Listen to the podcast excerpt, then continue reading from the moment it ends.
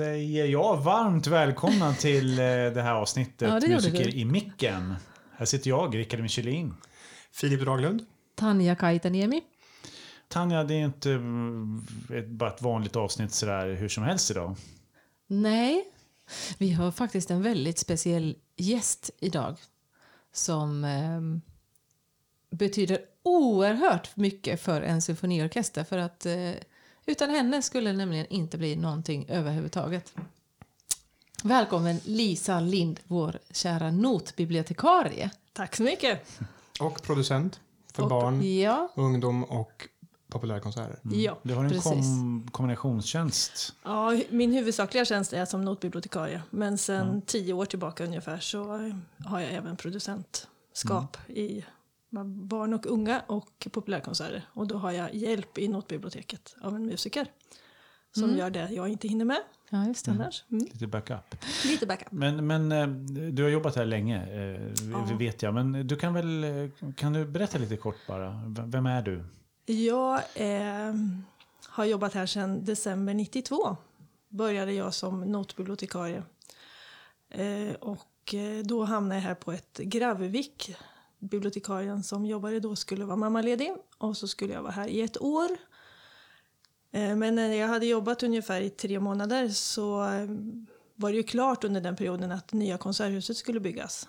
Så då frågade de om jag inte ville ha en tjänst som eh, receptionist och telefonist i nya konserthuset. Okej, Louis De Geer. I Louis De Geer, precis. Och det kunde ju vara kul att göra någonting annat. Så att jag började där när vi hade den stora öppningen. Fyra dagars konserter här i, i huset. Eh, då jobbade jag i, i receptionen. Ehm, och Jobbade fick- någon av er här då? Nej. Nej. Nej. Nej. Nej. Eh, jag hade inte ens flyttat till Sverige då faktiskt. Nej. Eller jo, nej, vad sa du? Vilket år var det? 94. Jo, då, då gick jag i Stockholm. faktiskt. Oktober 94. Mm. Eh, Men sen så slutade bibliotekarien där i november. Mm. Så att det var en kort sejour i eh, receptionen innan jag kom tillbaka till notbiblioteket. Och sen dess har jag varit där. Ja, Mm. men när du var liten och man frågade dig vad ska du bli när du blir stor, svarade du notbibliotekarie? Nej, det gjorde jag inte. Jag visste inte ens att det, det jobbet fanns om jag ska vara Astronaut, polis, Nej. notbibliotekarie. Exakt. Nej, nej det, det fanns inte i Nej, min sinnevärld. Och det, Nej. det är nog många som inte tänker på att det behövs en notbibliotekarie. precis vad jag tror Om det också. behövs. Ja. Alltså. Ja. ja. du gör ju ett, något av ett hästjobb. Alltså om man tittar på många andra konserthus i Sverige. Alltså biblioteket är ju så här två, tre, fyra, fem personer. ja. Eh, och bara för att vår orkester kanske inte alltid spelar lika stora verk så är det ju inte mindre jobb att göra. Du, alltså, visst, du får hjälp av en av våra kollegor lite grann, men ni gör ju... det är Alltså, och du gör ju inte ens det här heltid. Det är ju fantastiskt att, att vi faktiskt har Ja. noter i mapparna några Ja. veckor innan. Jag tror att många utifrån tror att musikerna själva kanske arrangerar sina eller handhar sina noter. ja, säkert. Men, Ja. eh, men så professionellt så då är, är det ju packade mappar med noter Ja. många veckor i förväg. Som, eh, för att man ska hinna Ja. förbereda sig i tid. Ehm, Och det beställer man ju från svenska och utländska förlag. Ja. Eh, Noter är ju upphovsrättsskyddat. Så om eh, kompositören inte har varit död i mer än 70 år så måste man beställa noterna Och hyra dem. och hyra köpa dem. Hyra. Ja. Och man betalar beroende på hur långt ett stycke är. Det finns tariffer. Som om ett stycke är 0 till 3 minuter så kostar det kanske 3 000 kronor för en konsert. Okej. Och sen från 3 till 5 minuter så är det 3 500 och sen så är det stigande så. Men dubblas det vid en till konsert? Äh, eller då det- får du 70 procent betalar du av den första summan om det är två eller flera konserter efter. Så att eh, nothyrorna kan bli ganska dyra. Speciellt vid skolkonserter. Om man gör kanske sex konserter. Visserligen är det en lägre tariff för att det är skolkonserter. Men, men ju fler konserter du gör desto Men då behöver får man också väldigt mycket, alltså ibland spelar vi mycket utdrag ur, kort, ur Mm. verk. Och då blir det ju väldigt mycket noter. Mm. Dels kostnad för huset, men också för dig. Mm. Alltså när man, när man öppnar mappen och så är det 20 Ja. små foldrar och sen har någon skrivit in klipp. Vart det Ja. ska vara klipp och tejpat och klistrat dit. Alltså, det är ändå, hur många, hur många notmappar görs till en full orkester? Alla har ju inte, alltså stråket har ju Stråket inte. har inte sina egna, men 50-60 beroende lite på hur, hur stor orkestern är, 50-55 stycken kanske. Men hur ser liksom processen ut? Eh, En, vecka som ligger en, bit fram. eh, Hur, hur nära inpå så att säga, börjar du ditt jobb med en speciell vecka? om Man säger? Jag jobbar ungefär ett halvår i förväg. Mm. Så att när jag får eh, veta vad som ska spelas, och det är ju oftast då abonne abonnemangskonserterna, så beställer jag hem allting som jag vet innan. Eller först tittar jag om jag har det själv i vårt eget notbibliotek. Och där tittar jag nu precis idag och där har vi ungefär 3500 titlar Jaha. på egen, egna, egen musik. Eller fri musik som vi säger då. Med, Eller arrangemang som vi har. Eller arrangemang som vi har, ja precis. Ehm, och sen beställer man hem då i god tid. Men sen är det ju så många konserter som, som vi bestämmer ganska sent vilket program det ska vara. Typ skolkonserter eller 13-dagskonserten eller populärkonserter. Önskekonsert. Önskekonsert kommer väldigt sent. Och då får man ju jobba in i, i det sista liksom med att få hem det. Men man försöker att vara så långt i förväg som det går. Mm. Eh, För att ni ska ha en möjlighet att öva. Det kan ju vara solon och sådana saker som man vill titta på. Men finns det inte intresse att de stora musikförlagen typ gör en digital plattform? Så man kan få noterna samma ögonblick som man hyr dem? Det Eller- finns, eller de, det jobbas på. Det kommer nog dröja några För de år vill till inte att man innan. skriver ut dem Nej, kanske. Men vi förlag, kan ju förlagen vill ju... Ja, fast man får inte inte. spela efter kopierade noter. Man får, kan öva efter kopierade noter, men man får inte spela på konsert med Men kopierade om man har en jättedålig bladvändning då? Ja, då kan man ha en kopia Det är på okej. en bladvändningen. Ja, det- Måste du anmäla det då? till Nej, ja det kanske jag måste, men det har jag inte gjort. Men, vi, men för visst är det så att vi står liksom inför alltså ett eh, paradigmskifte när det gäller just det här digitala och Mm. analoga, alltså papper kontra eh, digitalt. Mm. Eh, Var är vi någonstans i tiden? Jag menar, eh, en del orkestrar har ju börjat lite försiktigt och sådär. Mm. Vi har ju musiker här också som, som föredrar att spela efter sin, sin padda eller så. Men, Mm. Men jag, orkestern har ju inga paddor. nej, orkestern, notläsning. och jag tror att det där egentligen det ligger fortfarande till stor del. Att det kostar för mycket att köpa in. Liksom. Och att det är så kort livstid på det. Att man måste uppdatera mjukvaran så, inom ganska kort och då kostar det ännu mer. Så att, jag tror inte vi riktigt har ekonomi. Och så måste man lösa extra musiker och sådana som kommer som kanske inte har padda för att vi har ju ofta extra vikarier, sjukvikarier och sådana som Just också det. ska ha sin padda. Så vi måste ju ha ett antal paddor extra Mm, och så ska den vara laddare och ha stationer och så. Men, men det kommer att komma, det är jag säker på. Men skulle det förenkla ert jobb, eller ditt jobb eh, som du ser idag? Ja, jag tror att det skulle förenkla till exempel en sån sak som stråkskrivning. Att, att en konsertmästare kan skriva stråk och sen Just så får det. alla det samtidigt. Eller göra ändringar och så följer det med i, i hela stämman. Eller Mm. man kan göra språng till exempel. Utomhuskonserter skulle vara fantastiskt med, med en padda Ja. istället för pappersnoter som fladdrar omkring. Precis, och flyger iväg Ja, mitt under konserten. Tänk om man kunde ha haft en liten sån röd pinne som hela tiden följde med i noterna så behövde man aldrig räkna paus. ja. Säger trumpetaren. Ja, Säger trumpeten Ja, men vi har ju som har mycket paus Exakt. jämfört med oss Ja, stråkmusiker. men alltså, opera är värre. Ibland är det så här 700 takters paus. Ja. Och visst, kan man den bra och ha spelat den tio gånger Mm. så är det inte så farligt. Men de första gångarna då sitter jag där som ett fån och bara 543, 2, 3, 540, vänta vart var jag nu? Innan man Ah. har sina cues klara. Ja. 640 Nej men, det, nej, men ni, ni kan inte förstå hur, hur enerverande det är. Men det är spännande det du säger om paddor och så. Vi har ju en kollega som har jobbat i Qatar i orkestern. Ja. Och om jag inte missminner mig så har de i ganska många år. Den orkestern är ju relativt ny. Och fick ett nytt hus och de började från början med en special, jag tror det var Samsung som fick en specialbeställning på en stor typ av touchscreen. Rörskärm. Nej. Och det, det var ju också det fantastiskt om någon skriver in någonting i stämman, konsertmästaren live på repet så kommer det med i alla stämmor.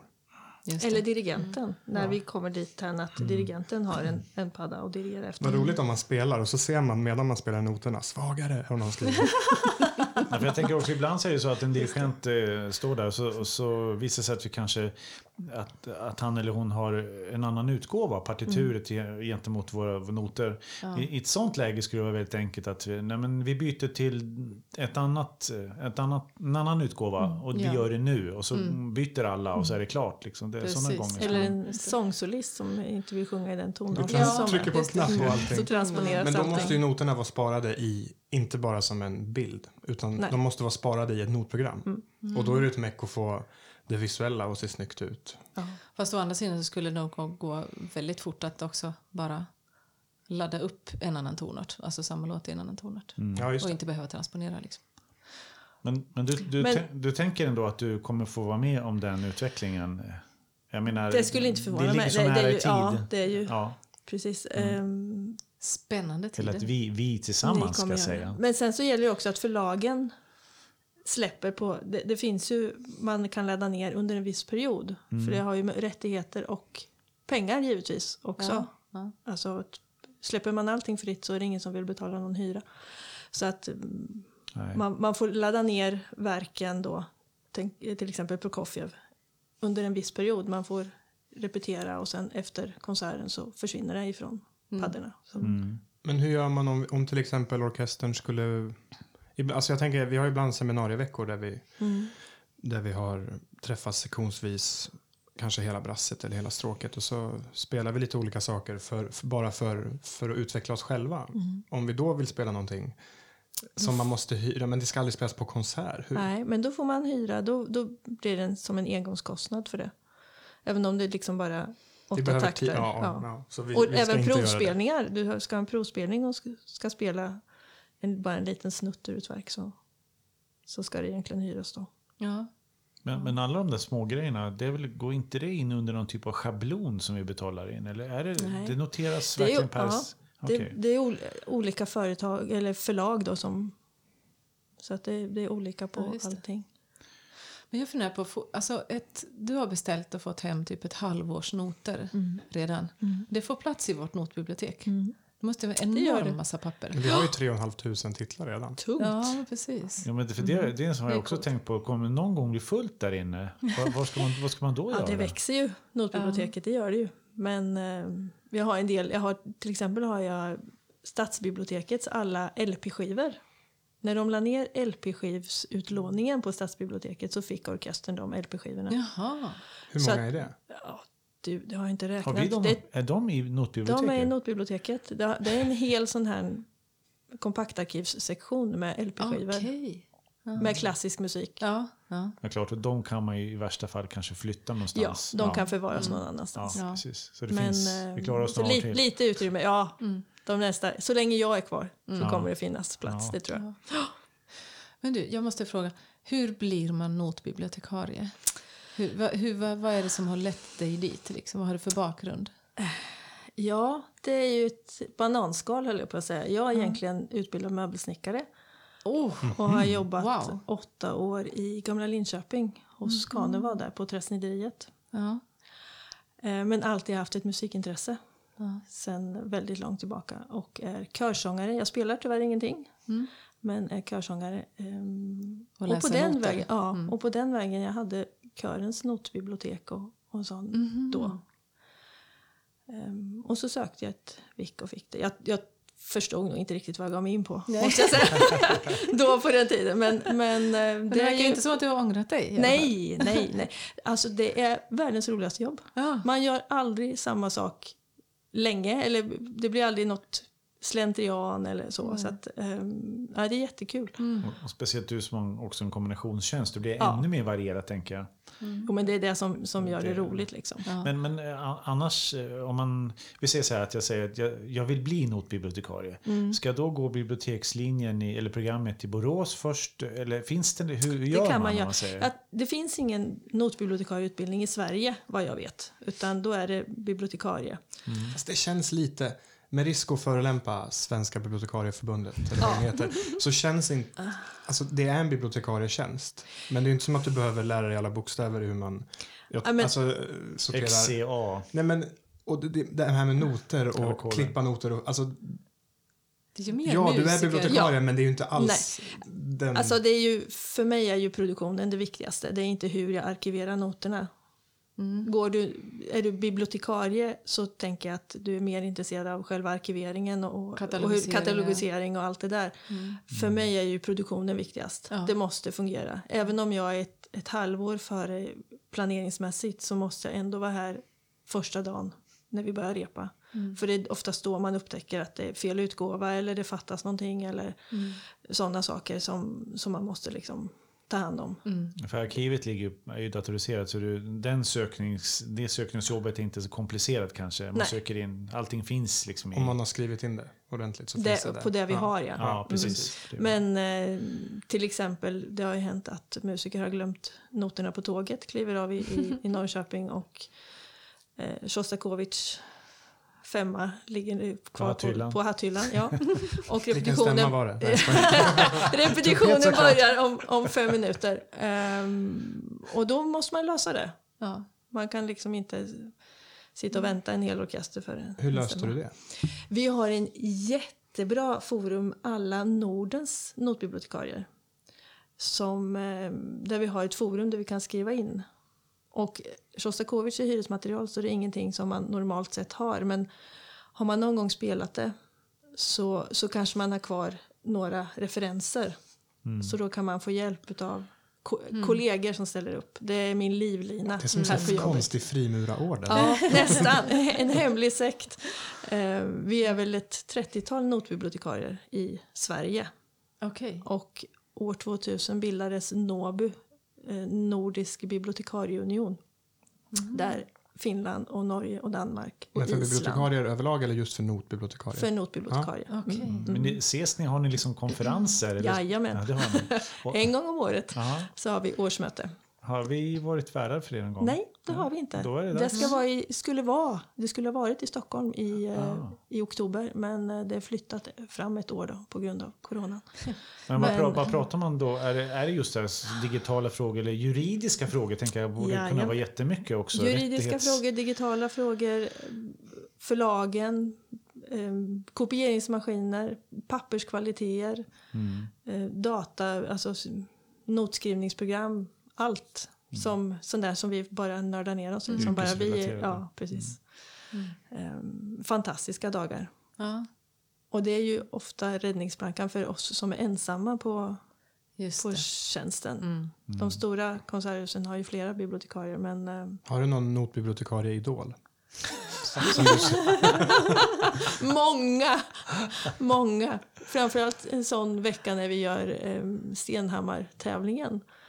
Då är ju operahusen mina stora räddningsplankor. mm. För då vet man ju inte vilka sångare som går till final. Man vet inte före eh, ja, dagen innan ens vad, vilka noter vi ska ha. Vi försöker ha så mycket arior hemma som möjligt. Men man kan ge sig den på att alltid är det någon countertenor eller något som ska sjunga något konstigt. Så då ringer jag till. Göteborg och Stockholm och gråter. Ja, precis. Så.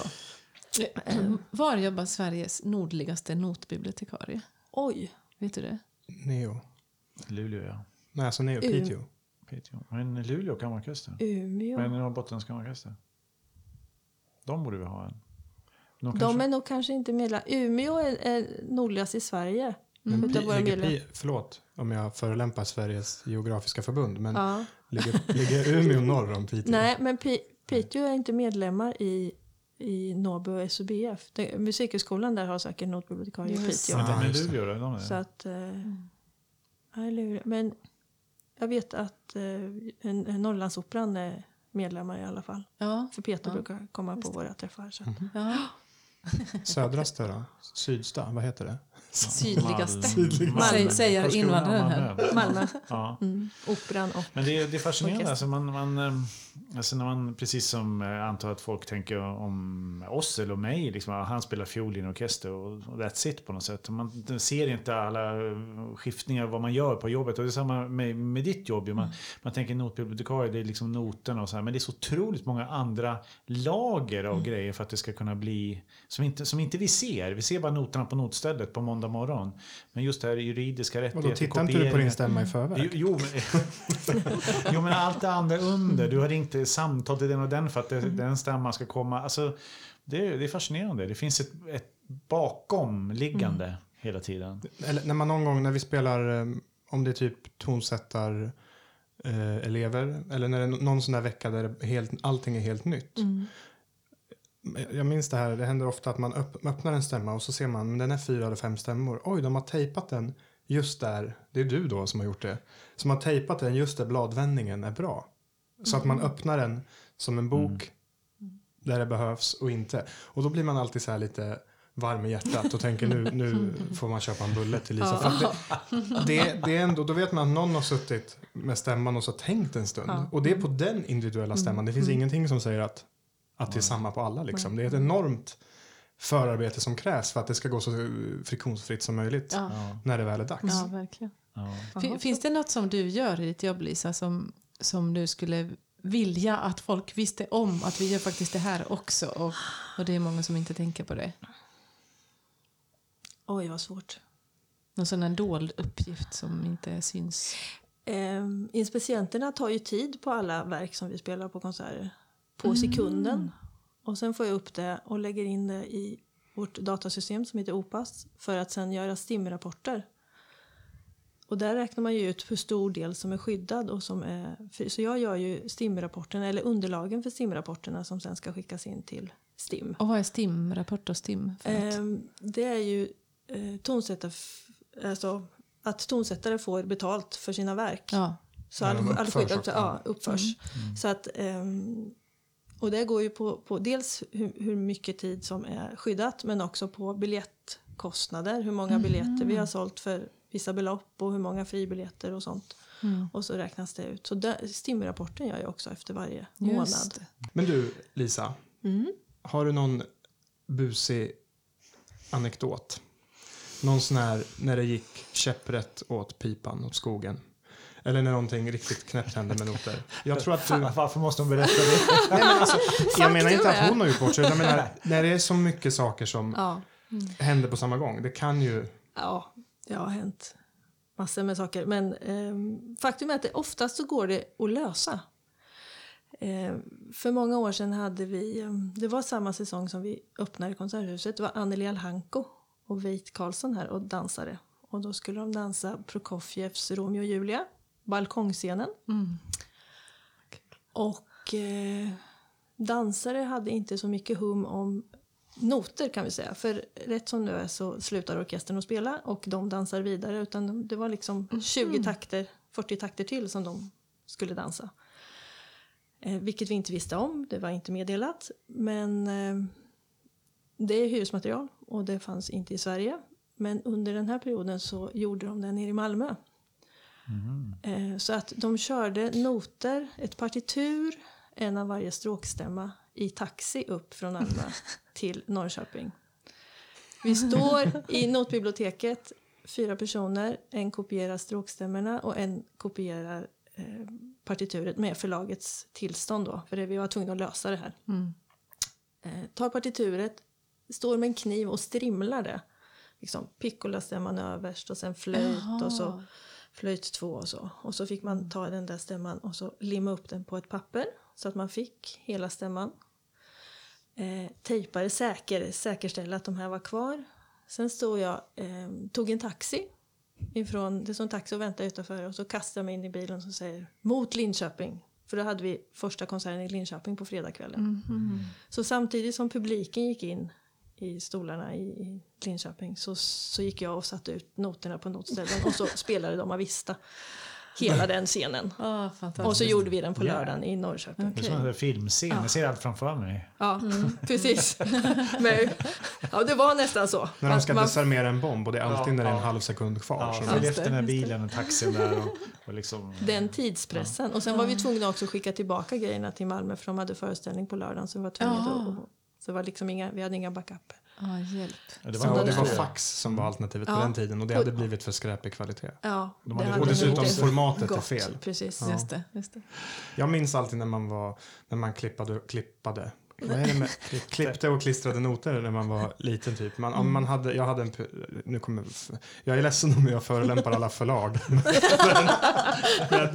Man hade någon sån här konstig trumpetnot som man hade hittat någonstans och så ville man spela den så fanns det ingen trumpetstämma. Så fick man kopiera 20 sidor eller vad det nu var och så klippa ut den översta och slänga pianostämman. Och sen satt man där och klistrade och klistrade och klistrade. Och när man var klar så var det alltid på första och andra sidan så hade man missat en eller satt två i fel Ja, ordning. ja, eftersom, man, in, eftersom jag var dum nog, eller inte klipsk nog och erfaren och inse att man ska lägga dem först och sen tejpa eller klistra fast dem så var det alltid så här, man fick göra pilar i noterna så här, upp en rad, hoppa över en rad. Avancerat. Nu har man ju mer digitala lösningar. Men de, de, tar mer, de blir bättre men det tar ju mer tid att skriva Ja. in en stämma på en dator än Ja, att klippa och klistra. beroende på hur snabb man är. Ja, för mig går det fortare att klippa och klistra Ja. än att skriva in på datorn. Ja. Men vi har ju, alltså, åter, det där, ibland, vi hade någon sån här konsert med DR gymnasiet här om året. Mm. När vi spelade ehm, lite Eldfågeln och vad det var. Det var för något år sedan. Och det var så sjukt snabba hopp. Och vi kunde ju inte, Stravinsky var liksom i en, en originalstämma. Mm. Och sen hade vi en sekund på oss och, och byt, byt del, dels vända bort hela det kompendiet, öppna upp den långa tresidorsstämman på nästa verk och byt, ta ut sordin, byta instrument. Och det gick aldrig. och, och då var man så här, det här, fan man borde kunna klippa det här och någonting. Men det gick inte, hade inte gått heller för man spelade verkligen hela sidorna. Man, man kan ju göra häften, men då måste man ju vara spiksäker på att man verkligen spelar det som det har sagts från början. Just Ofta så, så säger de här, ja men det här var lite för kort, vi spelar 20 takter till. Men det Och då är kräver det också kört. så otroligt mycket mer jobb Ja, av dig. ja. Det. Och sen om det, som sagt, men får man kopiera noterna då och spela från kopior? Egentligen inte. Du ska spela efter originalnoter. Eh, noter. Mhm. Även, om, orgi- även om originalen ligger i notbiblioteket. Men, ja, Ja. ja. sen måste det ju vara praktiskt också. ja. Jag Så är det. Ni kunde ha haft två notställ om det hade gått att lösa praktiskt. Ja. Jag, så här. Ja, men det var så trångt. Det hade, vi var Nej, tre trumpeter, tre tromboner. Mm. Det, var, det var, fanns inte. Och så får slagverk en bort mass. trombonerna. och det är- Ja, men alltså, jag tänker får första vi- och andra fiols tutti behövs väl inte? Nej, alltså ja, det beror på hur man ser det. Nu, nu förolämpar vi hur många som helst. Det är liksom, och så ovän med alla. Det börjar med bibliotekssamfundet, Ja. så var det Youtube, så förlag. Förlagen. Fast om ni fick välja, hade ni hellre gjort en konsert där alla, jag tror vi har tagit upp det här tidigare. Hade ni hellre, hellre gjort en konsert där hela publiken lite artigt så här applåderar mellanmjölkslagom och gillar det? Eller hade hellre, hellre gjort en konsert där hälften av publiken står och jublar och resten står och buar? Ja. Jag, jag säger den andra helt klart. Musik ska vara känslor och det är bättre med starka känslor mot varandra än så här, men vad trevligt. Jag tror att jag också skulle välja den eh, senare. Men eh, det beror på hur mycket de jublar, de som jublar. ja, kanske jag också skulle välja den, tre, den andra Ja. varianten faktiskt. Har jag berättat en gång när jag var på turné med Sveriges Radio Symfoniorkester i Berlinfilharmonin och vi spelade ett jättesupermodernt svårt stycke varpå efter 45 minuter av total kaos kan det låta om man inte är insatt i ljudbilden så börjar en grupp bua. Det var mitt i sommaren, så jag, eller början av sommaren så jag tänker att publiken kanske inte var beredda på, de kanske ville höra mysmusik och så Ja. blev det mycket svårt. Så började typ ett gäng på 10-15 bua och då, då var det ett annat gäng på 50 pers i en annan del av salen som började ställa sig upp och jubla. Det blev, en, det blev, det blev den här kontrasten. Mm. Man ville... Battle. Ja, Häftigt. Det var, det var Ja, Det har vi inte varit med om här i Norrköping, men det kanske kommer. Det kanske kommer. Vet du, Lisa, jag tänker möbelsnickare sa att du har, är i botten. Hur ehm, eh, på fritiden har, snickrar, gör du, pysslar du där hemma någonting med? Nej, det, det är ganska länge sedan nu. Ja. Men jag, jag köpte en, eh, eller vi, familjen köpte en sommarstuga här i december. Ja. Som vi totalrenoverar. Ja. Så nu är det, det är inte möbler men det är mycket såg och Snickeri. spik och ja, ja. byta. Och då är det du som håller i sågen och hammaren? Också. Och, också? Också. Okej. Vi Mm, är inte bara. Flera som gör Ja. då. Men vi är flera som. Så i eh, lördags här monterade vi ett kök till exempel. Okej. Mm, vad roligt. Mm. Ni Men borde, kän, känns det lite som att, som att eh, komma tillbaks hem Lite grann. till ditt eget? Lite grann. Först, ditt första men område liksom? eh, jag skulle inte byta ut det här jobbet. Nej. Nej. Nej. Icke sa Nicke. Men, men när du snickrar, är det, alltså, gjorde du någon typ av examensmöbel eller hur går det till? Nej, jag gjorde inte det för jag fick jobb direkt efter. Ja, okej. Så att, ehm, annars så, så kunde man ha gått ett år extra och, och gjort det. Vad var det för typ av grejer som du snicklade, snicklade i gamla Linköping? Eh, det är ju konsthantverk. Så Ja. att eh, allt ifrån tavlor, offentliga utsmyckningar, eh, ljusstakar, speglar, Jaha. leksaker, skärbrädor. Ganska allt- små saker. Ja, i Ja. Vad är roligast större- att göra? Vad, vad var roligast? Av trä menar du? Ja. Oj. Nej men det är variationen där också, Mm. tycker jag. Det man höll på med för ja, stunden kanske? Ja, precis. Men, men skulle, du kunna, skulle du kunna tänka dig att bygga en fiol?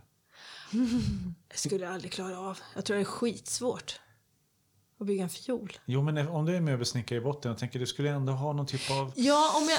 känsla Alltså, för... med, Vi vill med inte förolämpa alla, alla stråkbyggare, men nej, nej ja, jag, det skulle jag nog inte ge mig på. Men, men eh, anledningen att jag inte gör det idag är ju att man har ju liksom inte den verktygsparken som man Mm. Hemma som man hy, hyvlar och sågar och bandsågar och all, alla sådana saker som man Just ehm, Jaha. skulle behöva Ja. om man ska Ja. Men om du bygga. hade det, liksom, om vi sa här på jobbet, nu köper vi in Nu en snickarstudio till Lisa. Du skulle bara, du bara kom in och väggarna var fulla av, men herregud, det är ditt Lisa, varsågod. Då skulle liksom, du kanske skulle bli kreativ och... Ja, ja, varför inte? Men en fiol. Ja. har du någon, något favoritträslag? Vill du följa ditt efternamn då? Lind eller vill du köra Lind, ja. ja Hans. Ek, Ted Björk, Carl Gran. Vad, vad har du för... eh, Lind givetvis. Hur är Absolut. Lind att jobba med? Nej, jag har inte jobbat så mycket lind. Um, favorit? Nej, men det är de svenska. Bok och furu och björk. Björk är fint. Ja, okej. Björk gillar jag. Ja. Mm. Häftigt. Hellre björk än ek höll jag på att säga, men ek är så hårt att jobba med. Ja, det är Du, du, är från, eh, du är från Östergötland ursprungligen? Ja. ja. Du är från. Linköping rätt utav? Ja, utanför Linköping, Vreta Ja. kloster. Jaha. Mm, trevligt. Klo- är du uppvuxen på ett kloster? Ja, precis. Där, Är det många barn på ett kloster? där, där, där eh, vår Sveriges nya kändis Anders Tegnell ju bor också. Just det. Ja, precis. Jaha. Vreta kloster. Mm. Mm, det är fint där. Jag, jag kom på en förlagsfråga. Mm. Med risk för... Nej. Eh, ibland när man öppnar noter Ja. som är hyrda, och alltså typ, säg jag vet inte, Stravinsky eller någonting. Igen. Eh, ibland, så är no- ibland så är det fullklottrat i noterna som är hyrmaterial. Och det står ju väldigt tydligt i alla noter, skriv endast med, med blyerts och sudda bort. Ibland är det ju väldigt bra saker som står, små saker, men ibland kommer noter som är totalt sönderklottrade till Ja. oigenkännlighet. Och då är min fråga, om, om förlagen ändå tar betalt för att hyra ut det materialet, har de ingen som Städar de inte går igenom och precis. suddar lite? Mm, nej, det tror jag inte. Däremot så skulle jag vilja att du kom till mig då när du ser de noterna. För jag hinner ju inte öppna alla noter och, och titta när paketet kommer. Nej, nej. Ehm, men om man ser det när man tar fram stämman för första gången så kom och säg till. För då kan jag säga till förlagen att det här är inte okej. Då skickar de nytt. Mhm. Eller också får vi en reducerad hyresavgift Ah. på det. Så att, eh, Det är Så bra det är bra det är väldigt bra att säga till. För att förlagen har ju liksom buntar som de skickar iväg och det är inte alltid Och kanske 10-12 uppsättningar Ja, av vissa populära verk runt, som ja. går runt. Liksom. Ja, precis. Ja, jag tänkte säga, det räcker ju inte det heller. Ibland Nej. så står det så här uppsättning nummer 51 och sånt där. Man tänker, hur många, hur många, som, hur många i hela världen spelar det här verket den här veckan? Mm, jag menar, Mm, det, Jo, men tänk till exempel förlaget som har rättigheterna till Richard Strauss musik. Det har ju varit deras Mm. guldkalv fram tills när som helst. Nu, häromåret. När var det? När Stra- alltså, och vissa verk av Strauss spelas ju, alltså Alltså sprach Zarathustra måste ju spelas av hundra orkestrar vilken given vecka som helst jorden över. Det är världens vanligaste eh, korta klassiska snutt tror jag. Va? Ja. Används i reklam. eh, Okej, ja just det. eh, ja, liksom. Men vad gör de, till exempel, jag tänk, ibland när vi till exempel spelar en Pettersson-symfoni Mm. med, med, med, med risk att förolämpa Pettersson-sällskapet ja, så tror jag inte att, att förlaget riktigt har ett behov av att ha särskilt många kopior. Nej. Eh, utskrifter på det. Spelar vi, alltså jag menar, vi spelade Petterssons violakonsert. Den har spelats fem gånger på 40 år, 35-40 år. Finns det en poäng att ha med en? en Vet, vet du hur det är just med Pettersson? Finns det flera uppsättningar? Eller? Jag tror inte att det finns jättemånga. Är det sjuan som spelas Ja, den- mest? Ja, Om det den- finns två på den finns så nog köper jag. Men, men på det de- finns nog mer än två. Nej, men, och det kan man ju se ibland att när man får tillbaka noter att ja, men här är mina anteckningar, den här har jag numrerat. För jag numrerar ju alla stämmer. Just det. Så, eller att det är våra anteckningar. Eller konsertmästaren har skrivit på första Just det. sidan att vi har haft den förut. Så Ja, att, okej. ehm, Någon Men- gång när vi har gjort så här Hans Ek-produktioner, Mm. flera av dem eh, har vi varit först med. Mm. Och jag brukar alltid få, det har hänt vid två eller tre, tre tillfällen att en kollega i MSO i Malmö eh, skickar en bild till mig bara. Det här är du som har skrivit in de här sakerna va? Det står med stora bokstäver, Stefan spelar det här som är min trumpetkollega. Och då har jag inte suddat så mycket som jag borde Nej. kanske. Mm. Men, eh, men, Alltså det, det, det roligaste och mest frustrerande samtidigt, kluddet som man får eh, sudda bort i noterna, det är ju när det står jättelånga haranger på japanska eller kinesiska eller något sånt där. Som att man liksom, ja det här är säkert jättevärdefull information men man förstår absolut ingenting. Ib- Ibland så låter jag bli och sudda bort det bara för att jag tycker att det är så roligt att se. Och sen så, men vi har ju en japansk kollega i alla fall, vår Velast Nanako, så brukar jag fråga henne vad de har skrivit egentligen. Det är väl inte så ofta som det är så himla roligt och spännande som det men står. ibland men- kan det vara kul. Men det är Ja. ändå ingen som har städat bort det utan det, Nej. det står kvar där. Ja. Liksom. Eh, För det kan ju hända, eh, det har hänt flera gånger, att man får, av det materialet vi har själva i huset så, och vi, det kommer tillbaka en symfoni som vi spelade kanske för två år sedan någonting, då, och så hamnar man på samma pult som den gången så Ja. är det ens egna anteckningar och så Ja. liksom, ja, ja, nej men de funkar ju fortfarande där, tänker man kanske. Eller, eller sådär. Det är Eller lite kul. oj, har jag skrivit- spelat med den här fingersättningen för 20 år sedan? Ja, typ. Eller att man, Vad liten, tänkte jag eh, på? Man har ritat in en liten grej. Just Fast det får man inte göra. Men... Sen finns Men- den här grejen, jag vet inte om det är brass-specifikt, med risk att förolämpa träblåsare och andra musiker. Ehm, eh, det händer, trumpetare har ju en tendens att ha lite uppblåsta egon och det är väldigt vanligt när man har en stor symfoni just i första stämman. På sista sidan, efter att noterna är slut, är det oftast en till sida som man kan vända eller på baksidan av, eh, vad heter det? Den- konvolut. Ja, konvolutet.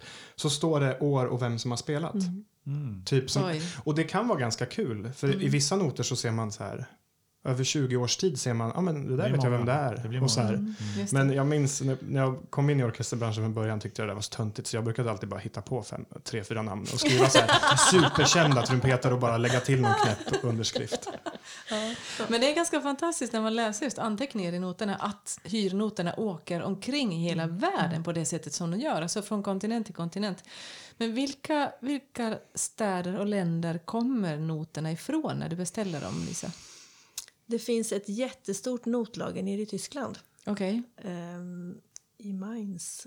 Och där, ehm, det, det, är som ett, det är flera fotbollsplaner alltså. Jättestort. Oj. Och det är därför det ibland kan vara ett, eh, när man får ett stråksätt, att det kan vara eh, olika stråk i, säg att jag beställer nio stycken första fiolstämmer. Mm. Och då kan det vara tre från ett sätt och så kommer tre i en. De, då är det en hylla som de plockar bara. Ja, Jaha, hon ska ha nio stycken. Tut, tut, tut. Nio, nio stycken första fiol, åtta stycken andra fiol.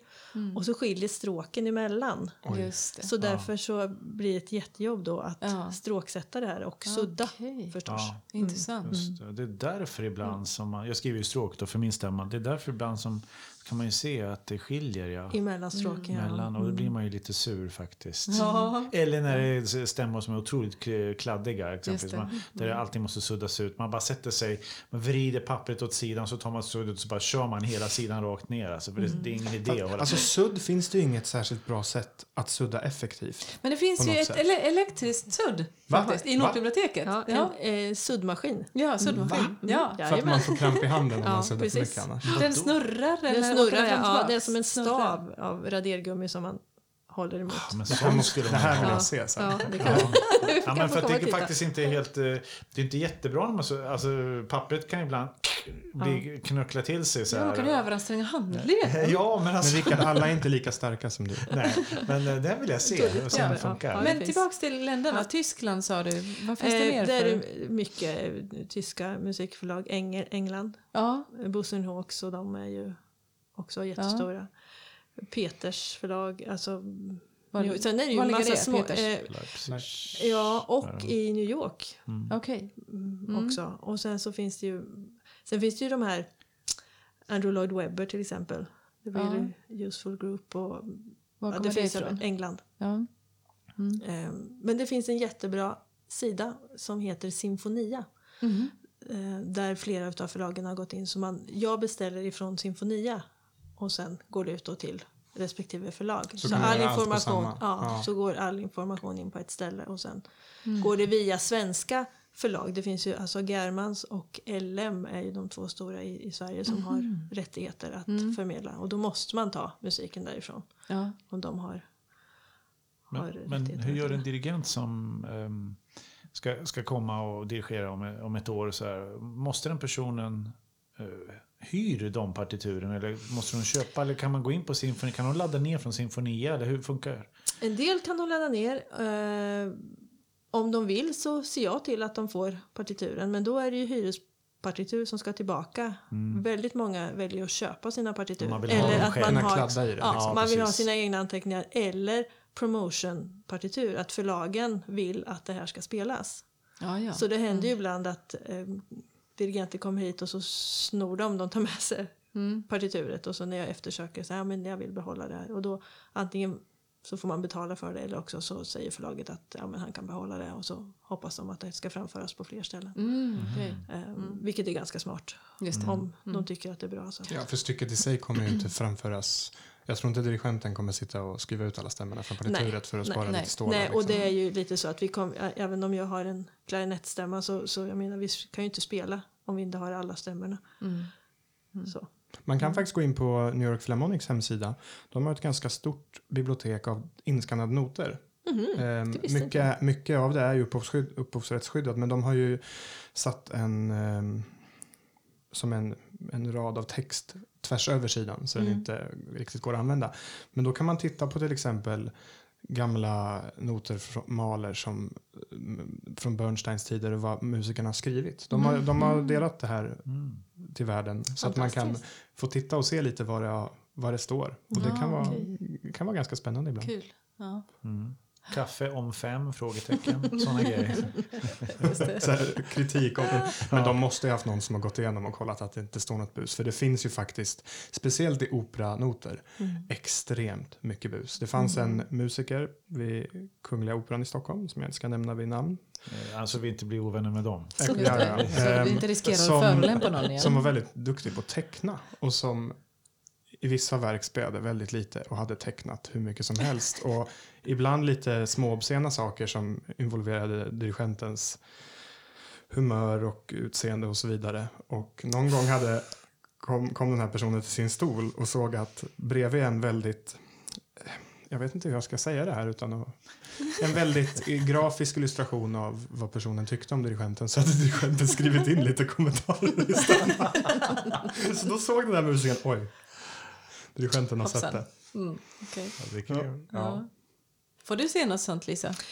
Ja, det, det får man. Dels i noterna ibland men även i mapparna som, är på, som jag lägger noterna i. Ja. Trumpetmapparna har ju ganska bra teckningar Ja, i sig. ibland är det teckningar och ibland är det små seriestrippar och ibland så är det uttalanden som dirigenten har gjort och Just sådana det. saker. Citat. Så citat Ja, ifrån det. repetitionerna. Mm. Så att det finns en Det brukar vi skriva in i andra fiol. Ja. Ja. Mm, okej. Ganska kul. Nej, I första fiolmapparna så eh, har jag eh, sett att det är någon som har skrivit ordet öl på så många olika språk som möjligt. Men det är det enda.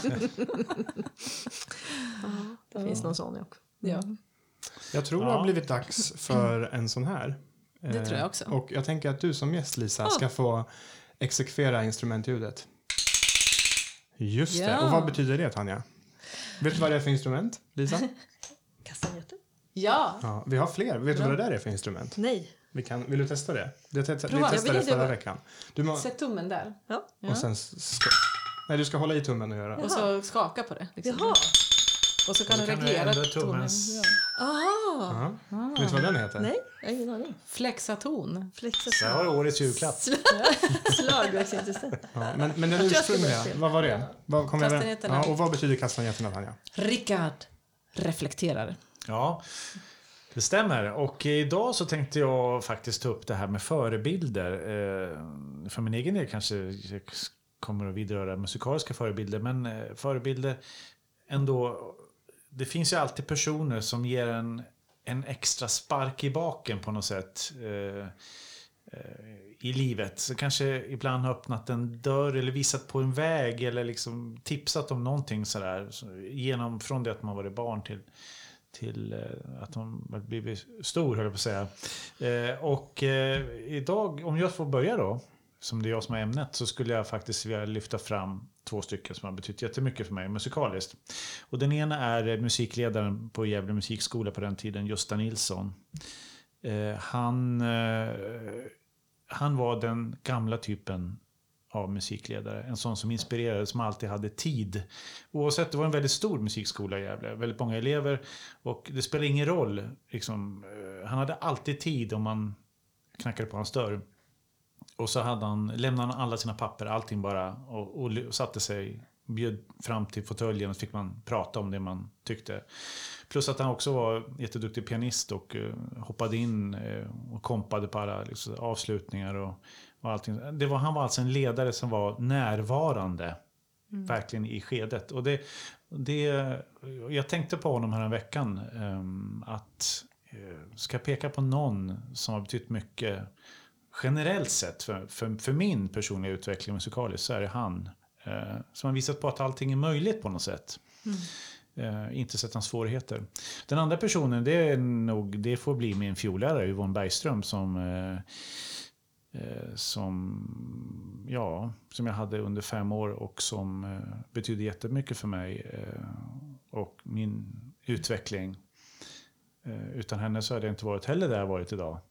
Mm. Sen, sen är det alltid så att det finns alltid för, massa förebilder som går om vartannat. Som man möter, som lämnar, som... Ni förstår vad jag menar. Men två stycken eh, viktiga, det är ju Gösta och Yvonne för mm. mig. Mm.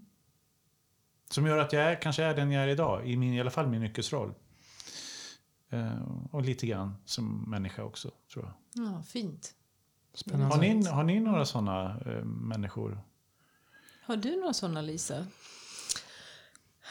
Ja, rent spontant så tänker jag då på min körledare Håkan Alinder mm. från Vreta kloster. Mm. Som eh, gjorde ett jättejobb där ute och som inspirerade och eh, ja, utan honom så tror jag inte att jag hade suttit här idag. Eller jag vet att jag inte hade gjort det. Det är väldigt svårt att tänka mig det som... Eh, mm. Vad, var det, vad var det med honom som... Vad är det med honom Han fick, som... Ja, duktig och begåvad och plockade upp många, eh, flera utav kompisar som, som blev professionella musiker och jobbar med det idag. Um, både sångare och musiker. Och kyrkomusiker inte minst. Um, en väldigt inspirerad miljö. Och man hade väldigt kul. Väldigt roligt med musiken. Dels musiken i sig men också tillsammans. En bra gruppdynamik och fick med alla, mm. kändes det som. Mm. Um, väldigt viktig under mina tonår och uppåt. Mm. Så det är nog den, den förebilden som, mm. Mm. som jag har med. Mm. Ett stort tack. Om han lyssnar på det här. Mm. Hoppas det. Vad du då Tanja? Jag har suttit här och försökt att tänka samtidigt som jag har lyssnat på er alla. Men jag tror att för mig har det nog inte varit så här lång, alltså långa perioder av någon som har Nej, men det behöver inte, betytt jätte... Men, men jag, jag, har liksom, jag, har, jag får upp såna glimtar av alla möjliga människor. Mm. Så här, en äldre släkting eller ingift släkting och, och gympaläraren på högstadiet. Och, och naturligtvis min eh, lärare på Musikhögskolan, Henrik Kowalski. Eh, men även eh, en fiolare som jag hade under ett sånt där mellanår i Helsingfors när jag bodde där ett år och pluggade musikvetenskap och övade. Och så. Ulla-Maja Hallanté som, som, eh, som jag gick för i ett knappt år bara. Eh, som ja, byggde upp lite självförtroende för mig efter att jag hade haft lite otur med flera lärare innan. Mm. Och så. Men, eh, och så kom jag på såna här eh, idoler, tonårsidoler som Sinead O'Connor till exempel, som jag lyssnade mycket på, som hade så otroligt många olika stilar och sin, körde sin egen stil och speciellt hennes tidiga plattor som de flesta aldrig har hört lyssnade jag jättemycket på. Och det, ja, hon, hon var viktig för hon hade en sån frihet i sitt uttryck och, och struntade liksom i många konventioner och så. Att man inte... Hon behövde liksom inte passa in i någon mall och någon annans ram utan hon körde liksom sitt eget. Vilket jag tyckte var otroligt häftigt. Men eh, in, inga såna här nyckelpersoner som har följt mig liksom.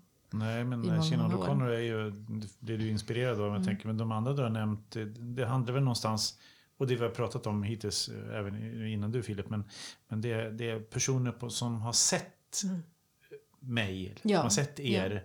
Det, det, det, det handlar mycket om det. Hon kanske har man- träffat. Sinéad O'Connor. Nej, det har jag inte. Ja, men att, Jag att, just att, att jag hade det. att bli sedd i, ja. i dessa, oavsett, det, det är ju som sagt som jag sa, det är, det är i många sammanhang och på många stadier, men, men eh, det, man får inte glömma bort det att, eh, att både unga och tonåringar och, och vänner och kollegor, att man behöver se varandra. Det, det är viktiga aspekter i hela. Jag har haft ganska många väldigt, väldigt bra och inspirerade lärare. Inspirerande lärare under min resa. Jag, den första jag hade Lotta på Solna kulturskola. Vad heter hon? Lotta Axelsson eller Jons? Jag minns inte. Jag har hittat gamla böcker. Eh, Ture Trumpet, del 1, del 2. Liksom.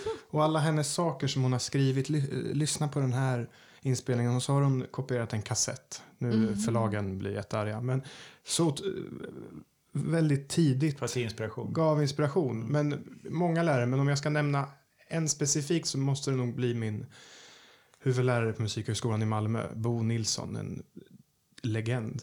Eh, som tyvärr gick bort här om året, men inte nödvändigtvis, alltså just av perspektivet att bli sedd och hur han var som människa mer än det instrumentala. Han, man, jag känner mig Ja, det finns en liten dokumentär om honom som gjordes för några år sedan. Om man googlar Bo Nilsson trumpet så dyker upp en halvtimmes film.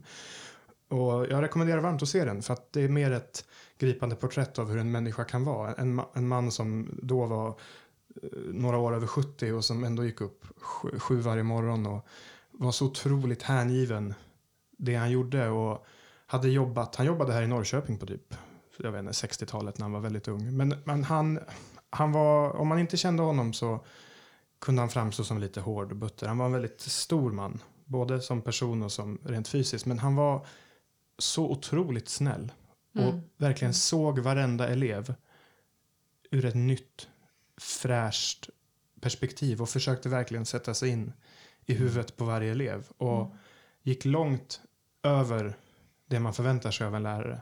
Mm. Utan var så engagerad, kunde bara ringa ibland. Du, jag tänkte på en liten sak. Eller ibland, istället för lektion så bjöd han en på restaurang. Så ville han bara prata om saker för att han ville liksom klura ut vad man var för typ och vilka knappar man skulle trycka på. Och den här lo lojaliteten och envisheten. Gör det du tror på, stå för det, var stark. Eh, Och om, om du behöver ändra dig, ändra dig. Men han hade en, en envishet som jag ser upp till än idag. Och, och eh, låter som du också kan ta efter för att det var det var bara bra grejer som du har sagt nu. Ja, men det, men- var, det är bra egenskaper att kunna göra så. Att kunna se elever, kunna lyssna, kunna gå utanför mm, protokollet så att säga. Göra andra saker. Eh, gå på restaurang, jag menar. Ja. nej, men, ja, nej, men eh, oerhörd person Ja. som man är lycklig av att Ja. ha fått träffa. Jag kom faktiskt på en person till som, som nog, utan honom hade jag nog inte heller varit musiker. Och inte älskat just liksom symfoniorkestermusik så mycket som jag gör idag. Jag brukade vara på ett orkesterläger varje sommar. Och där fanns en, alltså han som dirigerade symfo- lägrets symfoniorkester, stora symfoniorkestern, eh, Ulermi Poijärvi. Han var en sån otrolig eldsjäl och entusiast och, och lyckades liksom verkligen blåsa liv i oss så här, sega tonåringar som, som kom dit på, på morgnarna till repetitionerna och, och skaka loss all vår energi och skapa en sån energi i rummet så det liknar ingenting. Det var bara två veckor varje sommar men det, det betyder jättemycket. Det är fantastiskt med sådana människor. Ja, verkligen. Mm. Vitaminkick Ja. liksom. Ja, och som tror på tonåringarna och ungdomarna och som, som ser potentialet och får fram det. Liksom. Det är häftigt. Så eh, se din medmänniskas potential. Uppmuntra så mycket du kan. Mm. Eh, var vänlig.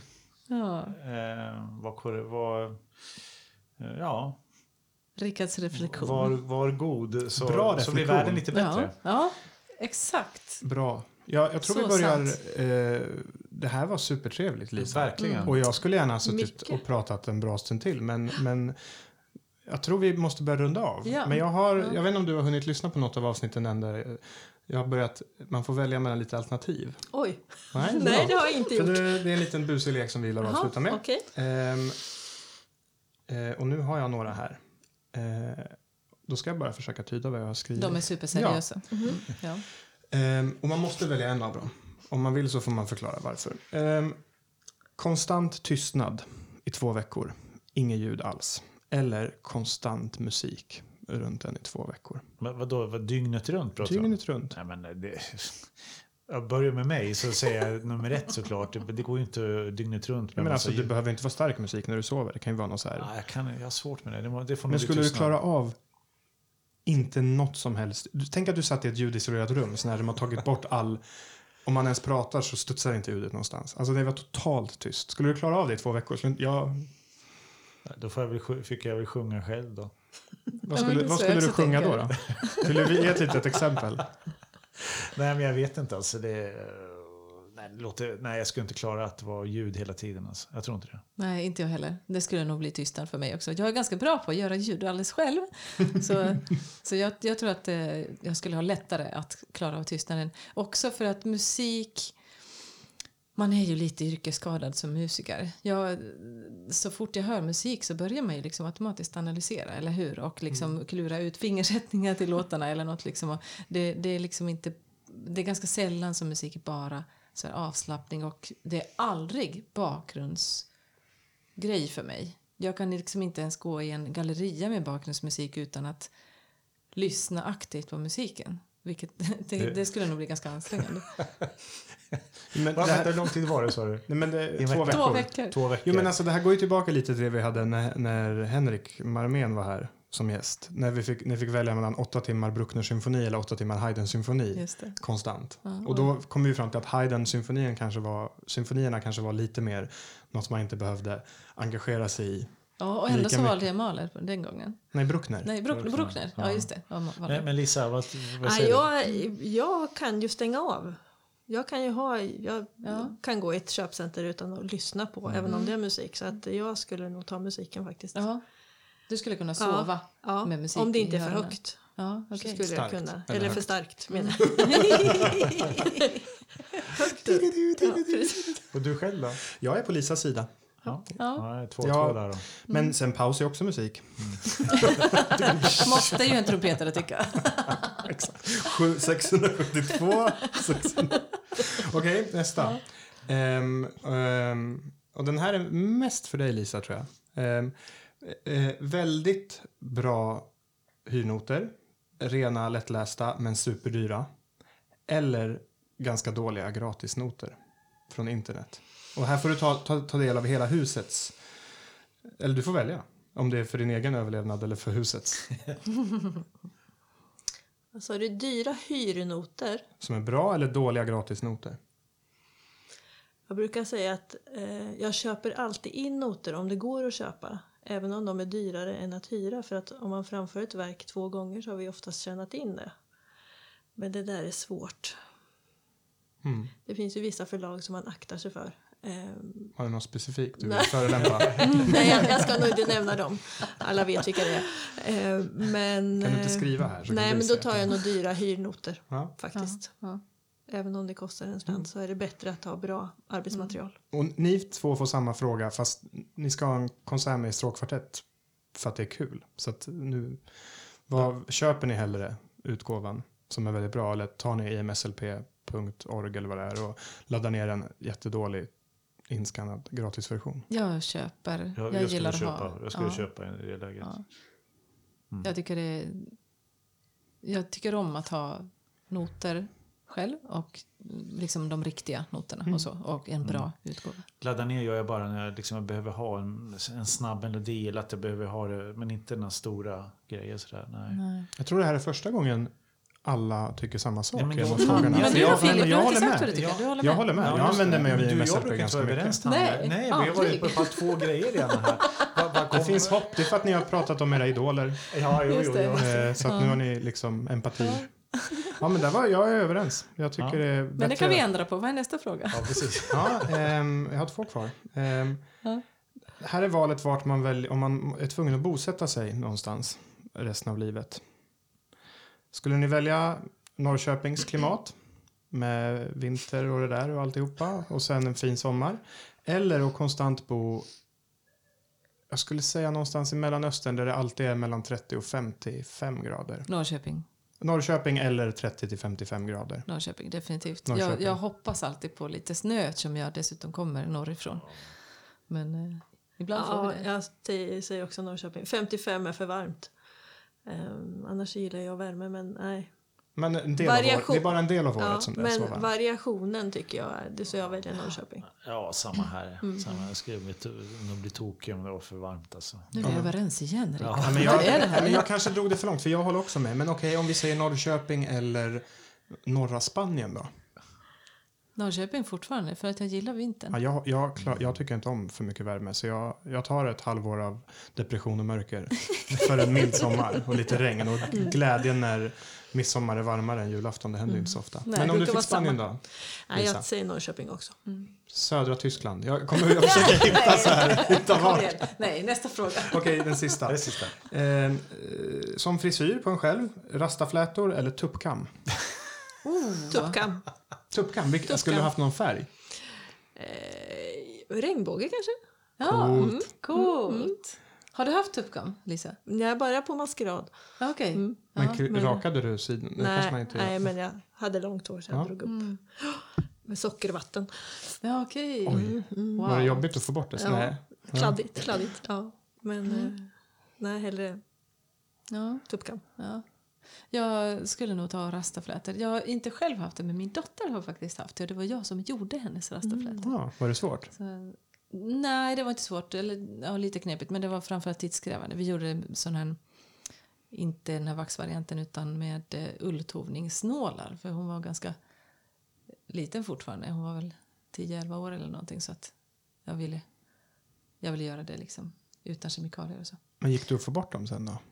Ja, det Om man gjorde det. det. Om man, Mm. alltså, man Men eh, det, kvar. jag, jag slapp det jobbet och det jobbet gjordes av eh, eh, faktiskt Warner Brothers och SVT för att när hon skulle vara med i julkalendern så fick hon inte ha rastaflätorna kvar och de, jag tror Va? att de, de, Rasism. de, de tillsammans med eh, eh, min dotters farmor använde fyra timmar för att få bort de här rastaflätorna. Men det gick tydligen. Jag kunde inte vara närvarande. Det var inte så att jag liksom skolkade ifrån det utan jag, jag kunde faktiskt inte vara där. Men eh, det gick. Eh, ja, rastaflätor tror jag. För sen då när man inte vill ha dem längre då kan man bara eh, raka av dem på sidorna och så bara tar man det håret som är kvar och gör till en tuppkam.